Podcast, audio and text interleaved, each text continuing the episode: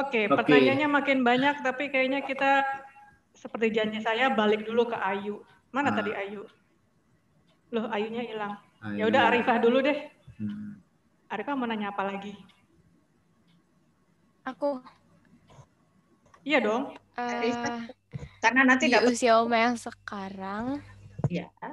Oh, Di usia Oma yang sekarang motivasi apa yang buat Oma masih tetap mau menulis? Terus uh, buat Oma kenapa sih seseorang itu harus menulis? Dan saran apa buat uh, kayak aku atau mungkin Ayu yang ingin menulis hmm, untuk pertama kali? Okay. Kalau motivasi sih mungkin karena memang memang dalam uang. darah saya tuh uh, darah penulis mungkin ya. Atau Bukan dari uang, Mama. Lama lama di di uh, bidang tulis menulis. Artinya sebagai wartawan pada akhirnya sebagai pemimpin redaksi jadi ad, yang ada kaitannya dengan menulis gitu. Atau mungkin kalau secara populernya udah ditentuin dari sononya bahwa oh ini jadi uh, penulis gitu. Orang lain jadi dokter orang lain jadi insinyur kali orang lain jadi tukang obat orang lain jadi tukang pijat gitu mungkin ya. Jadi buat saya nih porsinya memang penulis gitu. Jadi ya pasti ada masih selalu ada motivasi. Yang saya look up sebetulnya Barbara Katlan itu menulis novel sampai dia umur 84 walaupun waktu dia sudah tidak bisa menulis dia suruh sekretarisnya untuk ngetik ya hmm. hanya jadi saya pikir kalau khusus novel mungkin ya nggak ada batasan usia mau sepanjang masih ada ide masih bisa menyusun dengan kata-kata yang enak untuk dibaca ya sampai akhir hayat masih bisa menulis. Iya, iya, iya. Tadi ada satu lagi apa ya, Bob?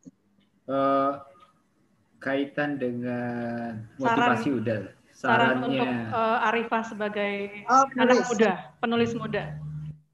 Saya pikir sebetulnya sih semua orang uh, mestinya menulis entah menulis apa aja dalam hal. Nah, saya pernah diminta juga untuk uh, di dalam satu komunitas kecil yaitu para survivor uh, satu penyakit gitu untuk untuk bicara bahwa salah satu apa ya pembunuh waktu itu menulis gitu. Hmm. juga satu komunitas yang lansia sebetulnya yang 60 ke atas juga kalau untuk yang lansia saya bilang begini kan eh, dengan keadaan seperti sekarang ini kan kadang-kadang anak atau cucunya tinggal di mana? Di luar kota di luar negeri. Sehingga makin lama mereka makin tidak mengenal akarnya. Hmm. saya bilang bikin aja tulisan kecil bahwa kalian itu berasal dari siapa sih? Ayah ibu dengan sedikit latar belakang dan di mana? Kemudian uh, ayah ibu punya saudara ini ini dan kisah-kisah lucu yang menarik yang pendek-pendek dari seputar keluarga besar mungkin ya kalau sekarang ini relatif lebih mudah kita mencetak uh, ya. kita tulis kita uh, pergi ke ini kita cetak mungkin antara 100 200 yang mungkin bisa jadi wasiat atau peninggalan ketika kalian sudah nggak ada saya bilang begitu Hmm. Juga pernah diminta untuk bikin satu sesi tentang penulisan yang uh, yang singkat gitu. Untuk waktu itu adalah peserta pameran UMKM. Jadi saya bilang ya kalian tuh sebetulnya bisa nulis pengalaman apa mulai dari awalnya punya satu usaha kecil itu yang mungkin nantinya bisa dibaca oleh anak cucu dengan segala macam kesulitan up and downs-nya gitu. Jadi hmm. saya pikir hmm. orang mestinya bisa menulis. Iya, iya, iya. Di tempat-tempat tertentu kayak misalnya waktu saya mengajar di beberapa SMA selalu mereka tanya apakah diperlukan bakat untuk menulis gitu ya. Bakat buang ke laut, Uma. saya selalu bilang hmm. uh, bakat itu mungkin cuma sedikit ya orang yang yang berbakat untuk menulis. Iya, iya. Yang mungkin bisa dibedakan adalah pada waktu kita membaca. Membaca tulisan orang yang berbakat itu seolah-olah kita melihat orang menari. Hmm. Tango, menari vals yang indah, enak untuk diikuti. Sementara membaca tulisan orang yang rajin menulis tapi kurang berbakat, kita tuh seperti melihat tentara yang berbaris gitu. Hmm. sih untuk dilihat tinggal ya bagaimana kita lebih menyukai melihat orang berdansa, melihat Iya, tarian, iya. lebih suka lihat orang desfile baris berbaris gitu. Iya.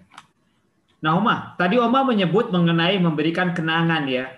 Ini tadi pertanyaannya siapa, Mbak? Oh, pertanyaannya si ini ya, Arifah ya. Ini ada satu buku. Nah, Oma tidak hanya sekedar ngomong atau menganjurkan orang lain untuk menulis tentang dirinya, kenangan, tapi juga dia mewariskan ini ya pas umur 70 tahun ya, Oma ya, ulang tahun ya. Apa itu? Oma Pada ulang tahun ke-70, Om ulang tahun Matre ke-70 bikin buku mengeluarkan ini buku. kan. Apa tuh judulnya?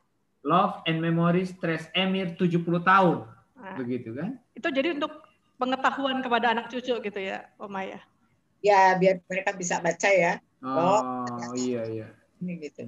Jadi cerita-cerita dalam keluarga di, di apa dilewatkan Dilewat. Nah, uh, formatnya untuk cerita hidupnya Oma gitu. Keren sih. ya, Iya.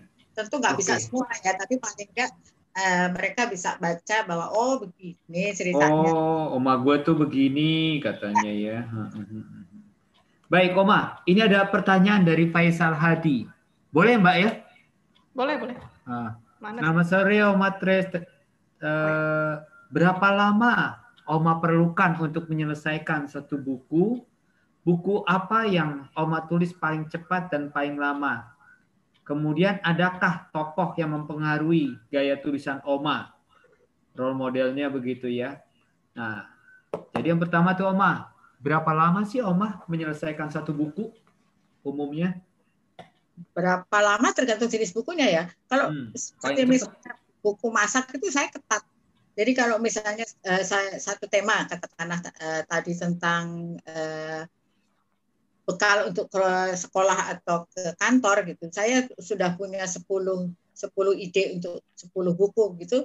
Saya Hmm. ketat sekali jadi hari ini saya harus bisa menyelesaikan sekian resep gitu ya.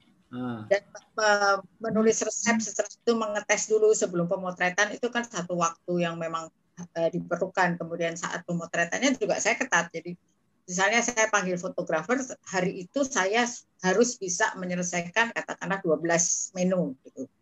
Itu hmm. memang harus ketat karena saya pikir kalau diperpanjang dilama-lamain juga menjadi beban karena kok nggak selesai-selesai. Tapi kalau misalnya novel ya balik lagi kadang-kadang saya tidak mau mengkiri bahwa di tengah jalan berhenti. Kita kita mau diapain nih ya? Ini si Hmm. subjek mau diapain ya? Mau ditemuin sama pacarnya yang dulu atau mau mau dimatiin misalnya. gitu ya. Hmm. Enak ya bisa mematikan mematikan orang di buku. Puasanya seorang pengarang itu bisa membunuh seseorang.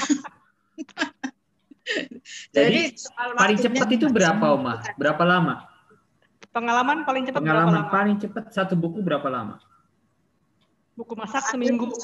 buku rohani itu nggak nggak bisa ya. Se- Ada satu buku rohani itu yang enam minggu, tapi saya ketat memang ya eh, memaksa diri untuk menulis gitu. Enam minggu.